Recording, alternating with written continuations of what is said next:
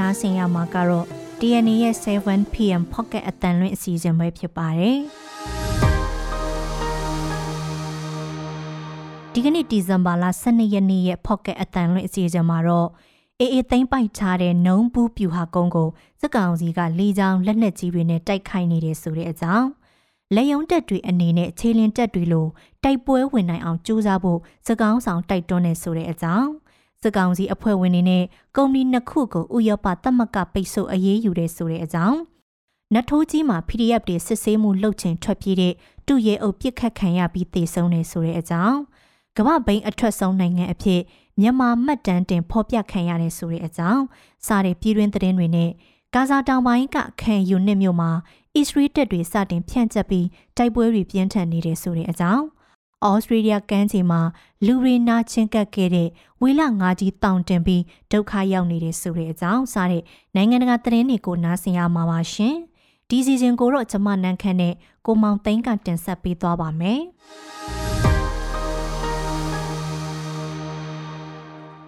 အခုပြည်တွင်းသတင်းများကိုတင်ဆက်ပေးပါမယ် ပထမအဆုံးသတင်းတစ်ပုဒ်အနေနဲ့အေအေသိမ့်ပိုက်ထားတဲ့နှုံမှုပြူဟာကုန်းကိုစစ်ကောင်စီကလေကြောင်းလက်နက်ကြီးတွေနဲ့တိုက်ခိုက်နေတဲ့အကြောင်းကိုပြောပြပေးပါမယ်ရခိုင်တပ်တော် AA သိမ်းပိုက်လိုက်တဲ့ချင်းပြည်နယ်ပလောဝမြို့နယ်ကနှုံဘူးပြူဟာစကန်ကိုစစ်ကောင်စီကလေကြောင်းနဲ့တိုက်ခိုက်ခဲ့တယ်လို့ပလောဝဒေသတွင်းစစ်စခန်းတွေကလည်းလက်နက်ကြီးလက်နက်ငယ်တွေနဲ့ရန်တမ်းပစ်ခတ်နေတယ်လို့ AA ကဒီကနေ့နေ့လယ်ပိုင်းမှာအသိပေးထားပါတယ်။ ချင်းပြည်နယ်ပလောဝမြို့နယ်ကလဒန်မြကန်းဘေးကနှုံဘူးပြူဟာကုန်းကိုအခုလ10ရက်ညတကောင်ဝင်းကျင်မှာသိမ်းပိုက်နိုင်ခဲ့ပြီးဗျူဟာမှုအလောင်းကိုရခဲ့တယ်လို့ရခိုင်တပ်တော် AA ကမနေ့ကညမှာထုတ်ပြန်ထားတာပါ။ထိုးစစ်စပြီးကတည်းကတရက်မှမနာပဲတိုက်ခိုက်နေခဲ့တဲ့အဲ့ဒီဗျူဟာကုန်းကိုစစ်ကောင်စီကလက်နက်ကြီးလေကြောင်းပစ်ကူအမြောက်အများနဲ့အပြင်းထန်ခုခံခဲ့ပေမဲ့မရရအောင်တိုက်ခိုက်သိမ်းပိုက်နိုင်ခဲ့တာလို့ AA ကဆိုပါတယ်။ နှုံဘူးဗျူဟာစခန်းကနေဗျူဟာမှုအလောင်းအပါဝင်စစ်ကောင်စီလက်အောက်ခံတပ်ဖွဲ့ဝင်တွေရဲ့ရုပ်လောင်းတချို့နဲ့လက်နက်ခဲယမ်းအမြောက်အများကိုလည်းတင်စီနိုင်ခဲ့တယ်လို့ဖော်ပြထားပါတယ်။လက်ရှိမှာတပိုင်းတစသိမ်းဖို့ကြံနေတဲ့စစ်စခန်းတွေကိုဆက်လက်သိမ်းပိုက်ဖို့ကြိုးစားနေတာကြောင့်တိုက်ပွဲဆက်ဖြစ်နေသေးတယ်လို့လည်းအသိပေးထားပါတယ်။ရခိုင်တပ်တော် AA ဟာပလောဝမြို့မြောက်ဘက်ကစစ်ကောင်စီရဲ့အခိုင်အမာတပ်စခန်းတွေဖြစ်တဲ့ထရွန်အိုင်ဗျူဟာကုန်းနဲ့နှုံဘူးဗျူဟာကုန်းတို့ကိုနိုဝင်ဘာလ14ရက်နေ့မှာရှေ့စဉ်နောက်ဆင့်စတင်တိုက်ခိုက်ခဲ့တာဖြစ်ပါတယ်။ ပလောဝမြို့နဲ့မြေပုံပေါ်မှာမြင်းပြောက်မိုင်30နီးပါးဝေးတဲ့ထရွန်အိုင်ဗျူဟာကိုထိုးစစ်21ရက်အကြာဒီဇင်ဘာလ4ရက်နေ့မှာသိမ်းပိုက်နိုင်ခဲ့ပြီး15မိုင်ဝန်းကျင်အကွာကနှုံဘူးဗျူဟာကုန်းကိုတော့ထိုးစစ်28ရက်မြောက်မှာသိမ်းပိုက်နိုင်ခဲ့တာပါ။ထရွန်အိုင်ဗျူဟာကုန်းကိုသိမ်းပိုက်နိုင်ခဲ့ရမှာရခိုင်တပ်တော် AA ဟာဟောင်ဝေဇာလက်နက်ကြီးပါသိမ်းဆည်းနိုင်ခဲ့ကြောင်းဓာတ်ပုံနဲ့တကွထုတ်ဖော်ပြသခဲ့ပြီးနှုံမှုဗျူဟာကုန်းကနေရခဲ့တဲ့လက်နက်ခဲယမ်းတွေကိုတော့ထုတ်ပြန်ခြင်းမရှိသေးပါဘူး။ဆက်လက်ပြီးပြောပြချက်တဲ့အကြောင်းကတော့ လေယုံတက်တွေခြေလျင်တက်တွေလိုတိုက်ပွဲဝင်နိုင်အောင်ကြိုးစားဖို့စကောင်းဆောင်တိုက်တွန်းနေဆိုတဲ့အကြောင်းပါ။စကောင်းစီရဲ့လက်ယုံဝင်ထမ်းတပ်ဖွဲ့တွေအနေနဲ့ခြေလျင်တက်တွေလိုတိုက်ပွဲဝင်နိုင်ရေးစူးစမ်းလှုပ်ဆောင်သွားကြဖို့လိုအပ်တယ်လို့လက်ရှိနိုင်ငံတော်ဝန်ကစစ်မျက်နှာအများအပြားမှာအထင်နာနေတဲ့အာနာသိန်းစစ်ကောင်းဆောင်မဲအောင်လှိုင်ကပြောဆိုလိုက်ပါတယ်။ပြည်ဦးလွေမြို့မှာတက်မတော်နီးပညာတက္ကသိုလ်မှာပြုလုပ်တဲ့ပိုလောင်းတင်တန်းအမတ်စဉ်25တင်တန်းဆင်ပွဲမှာစကောင်းဆောင်ကအခုလိုပြောဆိုခဲ့တာဖြစ်ပါတယ်။ ဆန္ဒအလျောက်တက်မတော်ကိုဝင်ရောက်လာသူတွေဖြစ်တာနဲ့အညီတိုက်ပွဲဝင်ရမှာရဲရဲတဲ့ရဲရဲတိုက်ရဲရဲချေမုံဆိုတဲ့တိုက်ပွဲဝင်စိတ်သက်ရှိရမယ်လို့စစ်နီးပညာတက္ကသိုလ်တင်နန်းစင်းပိုလောင်းတွေကိုသူကပြောပါတယ်။ခေအဆက်ဆက်မြန်မာစစ်တပ်လက်ပတ်ပုံအရစစ်မြေပြင်အင်ဂျင်နီယာတက်စေတက်ဆက်သွယ်ရေးတက်အမြောက်တက်တို့လိုလက်ယုံတက်တွေဟာ စစ်မတိုက်တက်တဲ့တပ်ဖွဲ့တွေအဖြစ်သတ်မှတ်ခံရလိမ့်ရှိပြီးတိုက်ခိုက်ရေးတပ်တွေကိုအထောက်အကူပြုရတဲ့တပ်ဖွဲ့တွေအနေနဲ့သာရှိခဲ့တာပါ။ဒါပေမဲ့2021ခုနှစ်စစ်အာဏာသိမ်းပြီးတဲ့နောက်၃နှစ်နီးပါးရှိလာချိန်လက်ရှိမှာစစ်ကောင်စီရဲ့တပ်အင်အားပြုံးတီးမှုများပြားလာတာကြောင့်လက်ယုံတပ်တွေကိုပါတိုက်ခိုက်ရေးတပ်တွေစီပို့နေရတယ်လို့ CDM စစ်သားတွေနဲ့စစ်တပ်နဲ့နှီးစပ်တဲ့သတင်းရင်းမြစ်တချို့ကပြောထားကြပါတယ်။ နိုင်ငံတော်ဝန်စစ်မျက်နှာအများအပြားဖွင့်ထားသလိုတိုက်ပွဲကြတာ၊ဂျန်ရရှာတာတိုက်ပွဲအတွင်လက်နက်ချတာစစ်တပ်ကိုစွန့်ခွာပြီးတော်လန်ရေးတပ်တွေနဲ့ပူးပေါင်းသွားတာစတဲ့အခြေအနေတွေကြောင့်တိုက်ခိုက်ရေးအင်အားမလုံလောက်တဲ့စစ်ကောင်စီဟာလေယုံတက်တီကိုပါမြေပြင်တိုက်ပွဲတွေအတွက်စေလွတ်အသုံးပြုနေရတယ်လို့သတင်းတွေကဖော်ပြကြပါတယ်။နောက်ထပ်သတင်းတစ်ပုဒ်အနေနဲ့စစ်ကောင်စီအဖွဲ့ဝင်တွေနဲ့ကုမ္ပဏီနှစ်ခုကိုဥရောပသမဂ္ဂပိတ်ဆို့ရေးယူတဲ့အကြောင်းကိုပြောပြပေးပါမယ်။ အာနာသိန်းစစ်ကောင်စီအဖွဲ့ဝင်၃ဦးနဲ့စစ်ဗိုလ်ချုပ်တဦးစေအုပ်စုအတွက်လက်နက်ပွဲစားအဖြစ်လုပ်ကင်ပေးနေတယ်လို့သတ်မှတ်ခံထားရတဲ့ကုမ္ပဏီနှစ်ခုတို့ကိုဥရောပသမဂ္ဂကပိတ်ဆို့ရေးယူကြောင်းကြေညာလိုက်ပါတယ်။အခုပိတ်ဆို့ခံရသူစီးရင်မှာလက်ရှိစစ်ကောင်စီအဖွဲ့ဝင်တွေဖြစ်တဲ့ဒုတိယဗိုလ်ချုပ်ကြီးညိုစောဦးဝနမောင်လွင်ဒေါက်တာမှုထန်တို့ပါဝင်တယ်လို့အရှိပိုင်းတိုင်းစစ်ဌာနချုပ်တိုင်းမှုဗိုလ်ချုပ်လှမိုးလည်းပါဝင်ပါတယ်။ လက်ရှိမြန်မာနိုင်ငံအတွင်းအရက်သားတွေပေါ်တိုက်ခိုက်မှုအပါအဝင်မြန်မာစစ်တပ်ရဲ့ပြင်းထန်တဲ့လူ့ခွင့်ရေးချိုးဖောက်မှုတွေကြောင့်စစ်ကောင်စီတာဝန်ရှိသူတွေကိုပိတ်ဆို့အရေးယူလိုက်တာဖြစ်တယ်လို့ဥရောပသမဂ္ဂကဆိုပါတယ်။တိုင်းမှုဗိုလ်ချုပ်လှမိုးကတော့ဂရင်းနီပြည်နယ်အတွင်းအရက်သားတွေကိုပြစ်မှတ်ထားတဲ့လေကြောင်းတိုက်ခိုက်မှုအတွက်အ धिक တာဝန်ရှိသူဖြစ်တယ်လို့ဖော်ပြထားပါတယ်။ အလားတူ Star Sapphire Group of Companies နဲ့ Royal Sean Lake Company Limited ကုမ္ပဏီတို့ကတော့စက်ကောင်စီအတွက်လိုအပ်တဲ့စစ်လက်နက်ပစ္စည်းတွေကိုပွဲစားအဖြစ်လောက်ကင်တင်သွင်းပေးနေတာကြောင့်ပိတ်ဆို့အရေးယူလိုက်တာလို့ဆိုထားပါတယ်။ဒီကုမ္ပဏီနှစ်ခုဟာအမေရိကန်အပါအဝင်အနောက်နိုင်ငံတွေရဲ့ပိတ်ဆို့ရေးယူမှုစင်းမှာလည်းပါဝင်နေတဲ့ကုမ္ပဏီတွေဖြစ်ပါတယ်။ အခုပိတ်ဆို့ခံရသူတွေရဲ့ပိုင်ဆိုင်မှုတွေကိုခိတ္တထိန်းချုပ်ထားမှာဖြစ်ပြီးအဲ့ဒီလူပုဂ္ဂိုလ်နဲ့အဖွဲ့အစည်းတွေရဲ့အကျိုးအမြတ်ရန်ပုံငွေဒါမှမဟုတ်စီးပွားရေးအရင်းမြစ်တွေထောက်ပံ့ပေးမှုကိုလည်းတားမြစ်တယ်လို့ဥရောပသမဂ္ဂထုတ်ပြန်ချက်မှာဖော်ပြထားပါတယ်။ဒါအပြင်အဲ့ဒီလူပုဂ္ဂိုလ်နဲ့အဖွဲ့အစည်းတွေကိုဥရောပသမဂ္ဂနိုင်ငံတွေအတွင်းခရီးသွားလာခွင့်ကိုလည်းပိတ်ပင်တားမြစ်လိုက်ပါတယ်။ဆက်လက်ပြီးတော့နတ်ထိုးကြီးမှာ PDF တွေစစ်ဆေးမှုလုပ်ချိန်ထွက်ပြေးတဲ့တူရဲအုပ်ပြစ်ခတ်ခံရပြီးတေဆုံးနေဆိုတဲ့အကြောင်းကိုပြောပြပေးသွားပါမယ်။ မန္တလေးတိုင်းနထိုးကြီးမြို့နယ်မှာမနေ့နေ့လယ်ပိုင်းကပြည်သူ့ကာကွယ်ရေးတပ်ဖွဲ့ PDF တွေစစ်ဆေးရေးလုပ်နေချိန်ဆိုင်ကန်နဲ့လာတဲ့တူရဲအုပ်တအူရက်မပေးဘဲထွက်ပြေးတဲ့အတွက်ပြစ်ခတ်ဖမ်းဆီးရာကတေဆုံးသွားတယ်လို့နထိုးကြီးပြည်သူ့ကာကွယ်ရေးအဖွဲ့မြင်းချံခရိုင်တပ်ရင်လေးတာဝန်ရှိသူတအူကပြောပါတယ်။ပြစ်ခတ်ဖမ်းဆီးခံခဲ့ရတဲ့သူဟာ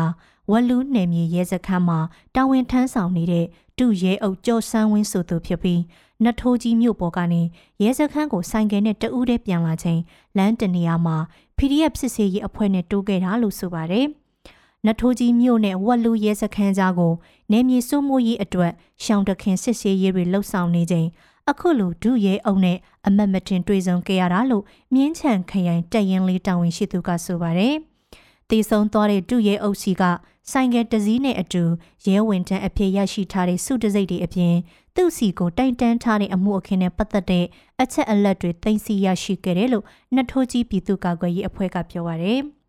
ပြီးခဲ့တဲ့အောက်တိုဘာလအတွင်းကလည်းမြင်းချံနဲ့နှထိုးကြီးသွားကမ်းလာမပေါ်မှာရှိတဲ့တာယာကုန်းကျေးရွာအနီးမှာအခုလိုပဲတော်လိုင်းရေးအဖွဲ့တွေကစစ်ဆေးမှုတွေလုပ်နေချိန်စစ်ကောင်စီလုံခြုံရေးတွေကအယက်သားအယောင်ဆောင်ပြီးလာရောက်ပစ်ခတ်ခဲ့တာကြောင့်ထိတွေ့တိုက်ပွဲဖြစ်ခဲ့ပါသေးတယ်။ အဲ့ဒီတိုက်ပွဲမှာတော်လိုင်းရဲတပ်ဖွဲ့ဝင်တအူပြင်းထန်တန်ရာရခဲ့တယ်လို့စစ်ကောင်စီဘက်က3ဦးသေဆုံးပြီးသူတို့စီးလာတဲ့ကားကိုမိုင်းဆွဲတိုက်ခိုက်နိုင်တဲ့အတွက်9ဦးတန်ရာရခဲ့တယ်လို့နတ်ထိုးကြီးပြည်သူ့ကာကွယ်ရေးအဖွဲ့ကပြောထားပါတယ်။မန္တလေးတိုင်းအတွင်းနထိုးကြီးနဲ့မြင်းချံနဲ့တခြားမှာတော်လိုင်းရေးအဖွဲ့တွေအကောင်းတဲ့အတွက်အခုလိုပဲထိတွေ့တိုက်ပွဲတွေမကြာခဏဖြစ်တတ်ပါတယ်။နောက်ဆုံးသတင်းတစ်ပုဒ်အနေနဲ့ ကမ္ဘာဘိန်းအထွက်ဆုံးနိုင်ငံအဖြစ်မြန်မာဖော်ပြခံရတဲ့အကြောင်းကိုပြောပြပေးပါမယ်။ဆီယနာသိမ်းမှုရဲ့နောက်ဆက်တွဲစိုးကျိုးတွေကတခုအနေနဲ့မြန်မာနိုင်ငံဟာကမ္ဘာပေါ်မှာဘိန်းထွက်ဆုံးနိုင်ငံအဖြစ်အာဖဂန်နစ္စတန်နိုင်ငံကိုကျော်ပြီးရပ်တည်လာတယ်လို့ကုလသမဂ္ဂကထုတ်ပြန်လိုက်ပါတယ်။မြန်မာနိုင်ငံမှာပြည်တွင်းရေးမငြိမ်သက်မှုတွေတိုးလာတာနဲ့အာဖဂန်နစ္စတန်ရဲ့ဘိန်းထွက်နှုန်းတိတိတသာရောကျသွားခြင်းကအခုလိုအခြေအနေကိုဖြစ်ပေါ်လာစေတယ်လို့ဒီကနေ့ထုတ်ပြန်တဲ့ကုလသမဂ္ဂရဲ့အစီရင်ခံစာကဆိုပါတယ်။ အရင်ကကမ္ဘာပေါ်မှာဘိန်းစိုက်ပျိုးထုတ်လုပ်မှုအများဆုံးဖြစ်ခဲ့တဲ့အာဖဂန်ဟာ2022ခုနှစ်မှာအာဖဂန်စစ်သွေးကြွအာဏာသိမ်းလိုက်ပြီးမူရစ်စေးသုံးစွဲမှုကိုတင်းတင်းကြပ်ကြပ်ပိတ်ဆို့လိုက်ခြင်းနဲ့အတူအခုနှစ်မှာဘိန်းထွက်နှုန်း65ရာခိုင်နှုန်းအထိကျဆင်းခဲ့ပါတယ်။အဲ့ဒီအခြေအနေတွေကြောင့်ပဲမြန်မာဟာအာဖဂန်ရဲ့ကမ္ဘာဘိန်းထုတ်လုပ်မှုအများဆုံးဂုဏ်ပုတ်ကိုလက်လွဲယူသွားခဲ့တာဖြစ်တယ်လို့ကုလသမဂ္ဂအစီရင်ခံစာကဆိုပါတယ်။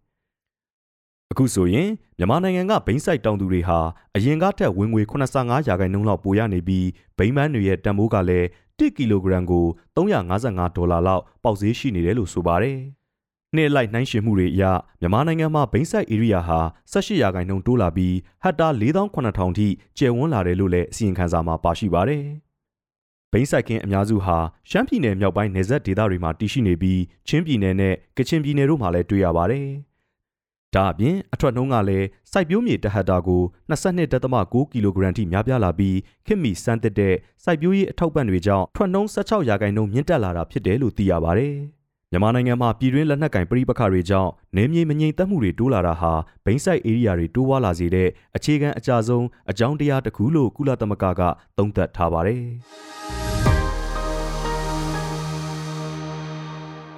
ဆက်လက်ပြီး နိုင်ငံတကာသတင်းအစီအစဉ်ကိုတင်ဆက်ပေးပါမယ်။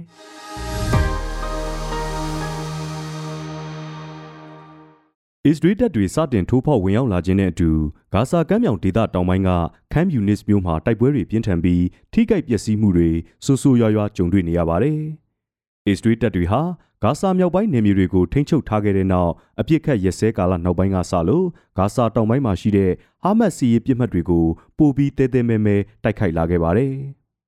ခမ်ယူနစ်ဟာဂါဇာတောင်ပိုင်းမှာရှိနေတဲ့အကြီးဆုံးမြို့ဖြစ်ပြီးထောင်တောင်းချီတဲ့စစ်ရှောင်ဒုက္ခသည်တွေခိုအောင်းနေတဲ့နေရာတစ်ခုပါ။ဒါပေမဲ့ဟာမတ်တွေကခမ်ယူနစ်မှာအခြေစိုက်ပြီးစစ်ရေးစီမံကွပ်ကဲနေတဲ့ဆိုတဲ့အကြောင်းပြချက်နဲ့အစ္စရေးကအပြင်းထန်ထိုးစစ်ဆင်ခဲ့တာဖြစ်ပါတယ်။အခုသတင်းပတ်အစောပိုင်းကစလို့ခမ်ယူနစ်မြို့လယ်မှာအစ္စရေးစစ်ကားတွေစတင်နေရာယူပြီးနေရာအနှံ့မှာပောက်ကွဲတံတွေကြေကြေလောင်လောင်ကြားနေရတယ်လို့မြို့ကန်တွေကပြောပါတယ်။ ခမ်ယူနစ်မှာပိတ်မိနေတဲ့အရက်သားတွေရဲ့လုံခြုံရေးကလည်းအကြီးအကျယ်စိုးရိမ်စရာဖြစ်လာပါတယ်။ဂါဇာတောင်ပိုင်းမှာအစ္စရေးကြီးတပ်ကထိုးဖောက်နေတဲ့အချိန်ဂါဇာမြောက်ပိုင်းမှာလည်းဟာမတ်စ်အကျွင်းကြံခိုးအောင်နေတယ်လို့ဆွဆွဲထားတဲ့နေရာတွေကိုလေတပ်ကပုံကျဲနေပါတယ်။ဂါဇာကျမ်းမာရေးဝန်ကြီးဌာနရဲ့အဆိုအရ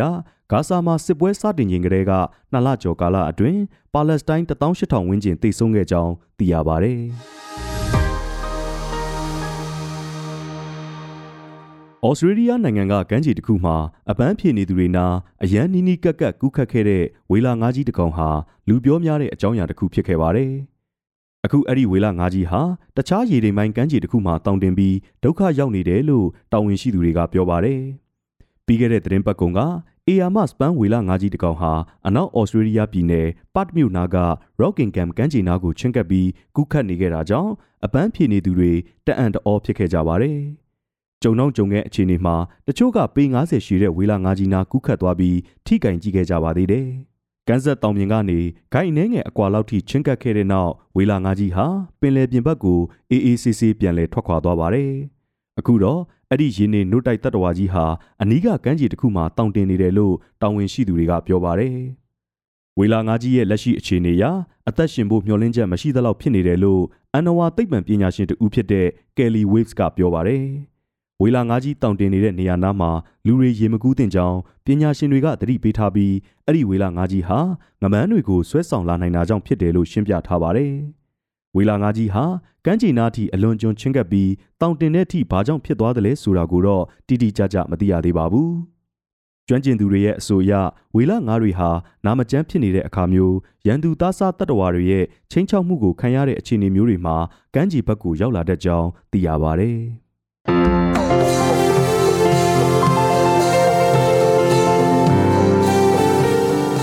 DNA ရဲ့ Pocket အတန်ရင်းအစီအစဉ်ကိုအပတ်စဉ်တနင်္လာနေ့ကနေတောက်ကြနေ့အထိည9:00နာရီတိုင်းမှာတင်ဆက်ပေးသွားမှာပဲဖြစ်ပါတယ်။ဒီအစီအစဉ်ကိုတော့ DNA ရဲ့ Facebook Page ကနေအပြင် Anchor, Spotify နဲ့ Google Pocket တို့တွေကနေတဆင့်လဲနားဆင်နိုင်ပါတယ်ရှင်။